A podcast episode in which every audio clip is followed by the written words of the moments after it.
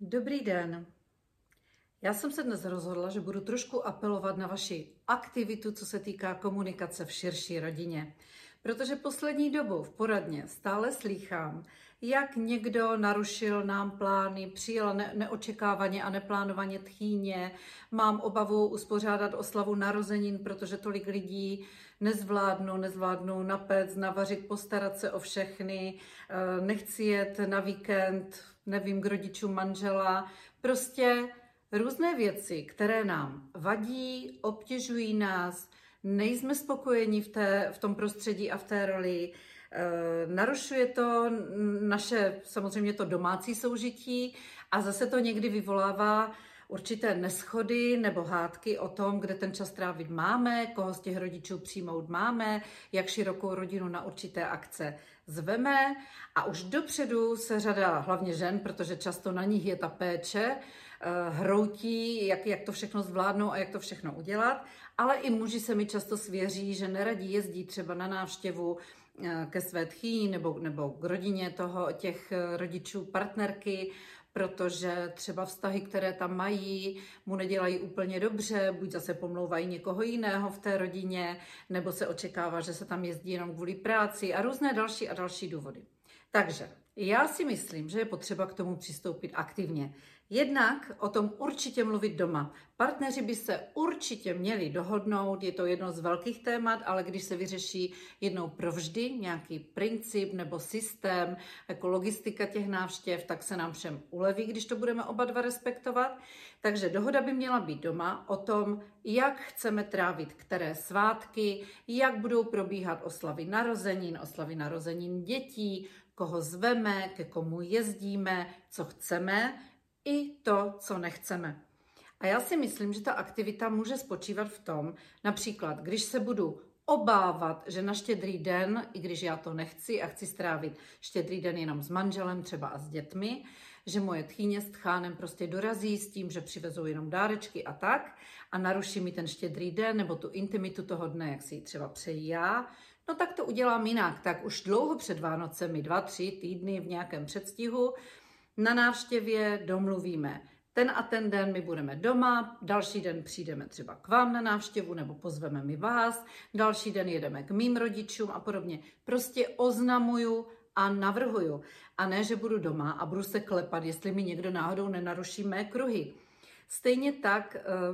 i ty zvyklosti těch rodinných náštěv. Ono je totiž potíž, když jeden z partnerů pochází z rodiny, z nějaké velké rodiny, která se u všech příležitostí scházela, všechno společně slavili, nevynechali žádné svátky, velikonoce, každá příležitost byla dobrá, u stolu jich bylo hodně, bylo to radostné, veselé, všichni štěbetali a všem bylo dobře. A teď ten druhý partner je z prostředí, kde třeba byl jedináček, vždycky rodina trávila všechno jenom v tom nejbližším kruhu, nebyli třeba ani zvyklí se dělit o tolik informací nebo emocí. No a teď ti dva, pocházející ze zcela odlišného prostředí, musí tady tuto věc nějakým způsobem skloubit, přijít na to, jak to udělat, aby to vyhovovalo jim oběma, aby nikdo z nich neměl dlouhodobě pocit, že všechno rozhoduje jenom ten druhý partner, protože samozřejmě, že to dřív či později vede k nějaké hádce tak si myslím, že když toto se domluví, někdy totiž začne to setkávání širších rodin, třeba se zvou babičky, když slavíme něco s dětmi, no ale jak ten vztah trvá déle a déle, děti jsou větší a větší, potom už někdy děti mají děti, takže přibydou vnoučata a není někdy v kapacitě ani toho bytu nebo domu pojmo takové množství lidí, o které se rozrostly, Nikdo to nechce rozdělit a mít každý den nějakou návštěvu, ať už jsou to narozeniny nebo vánoční svátky nebo jakákoliv jiná událost. Takže já navrhuju, jak to uděláme. Některé oslavy se dají spojit, protože příbuzní mají třeba narozeniny blízko sebe,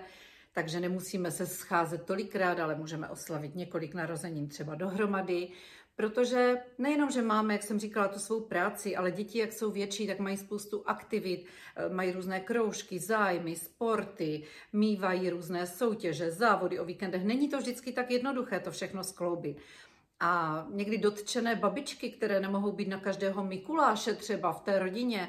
tak eh, sice možná chvilku dotčené budou, když se jim to vysvětlí, ale na druhou stranu si myslím, že je lépe tady tu věc vyřešit jednou provždy, nastavit nějak, nějaká pravidla a nějaký systém a ne se každé narozeniny, velikonoce, Vánoce a já nevím, co ještě, obávat, jak to vlastně bude a kdo mi do toho hodí vidle a způsobí, že já nebudu v pohodě, můj partner nebude v pohodě, nikdo si to neužije. To asi není ta cesta. Takže i když to jednou může mít trošku možná punc malého dramatu, to vyříkávání si věcí a svých potřeb a názorů a mých představ, tak se to může vyřešit a můžu mít klid, jak říkám, jednou provždy. A teď jsem zrovna řešila eh, s jednou klientkou, že pozvala na svoje narozeniny svou mámu a mámu partnera a to všechno bylo v pořádku. A, ale babička, která bydlí nedaleko, se velmi, velmi urazila a do, bylo, prostě dotknulo se jí, že nebyla pozvaná. No a to je jedno, co mezi tím probíhalo, ale to, co chci říct, skončilo to tak, že pod nátlakem ještě to odpoledne oslavy svých vlastních narozenin, pod nátlakem kompletně celé rodiny ze strany partnera, musela ta moje klientka jít pro tu babičku osobně domluvit, omluvit se jí a přivést ji. Takže atmosféra napjatá, nikdo s nikým moc nemluvil, nebo to bylo trošku v křeči, nikdo si to neužil a já se domnívám, že toto není cesta. Takže než by vás někdo překvapil nějakou neplánovanou návštěvou, nebo vám vnucoval svůj model toho, jak to bude, protože to tak vždycky bylo,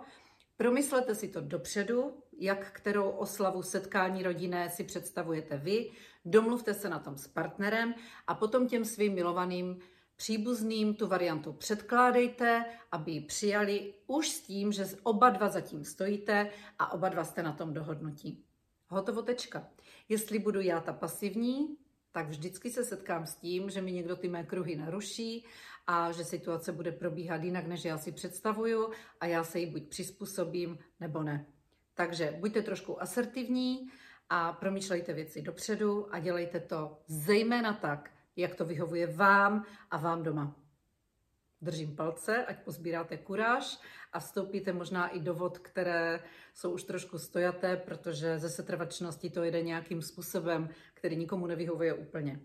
Tak držte se a neobávejte se toho.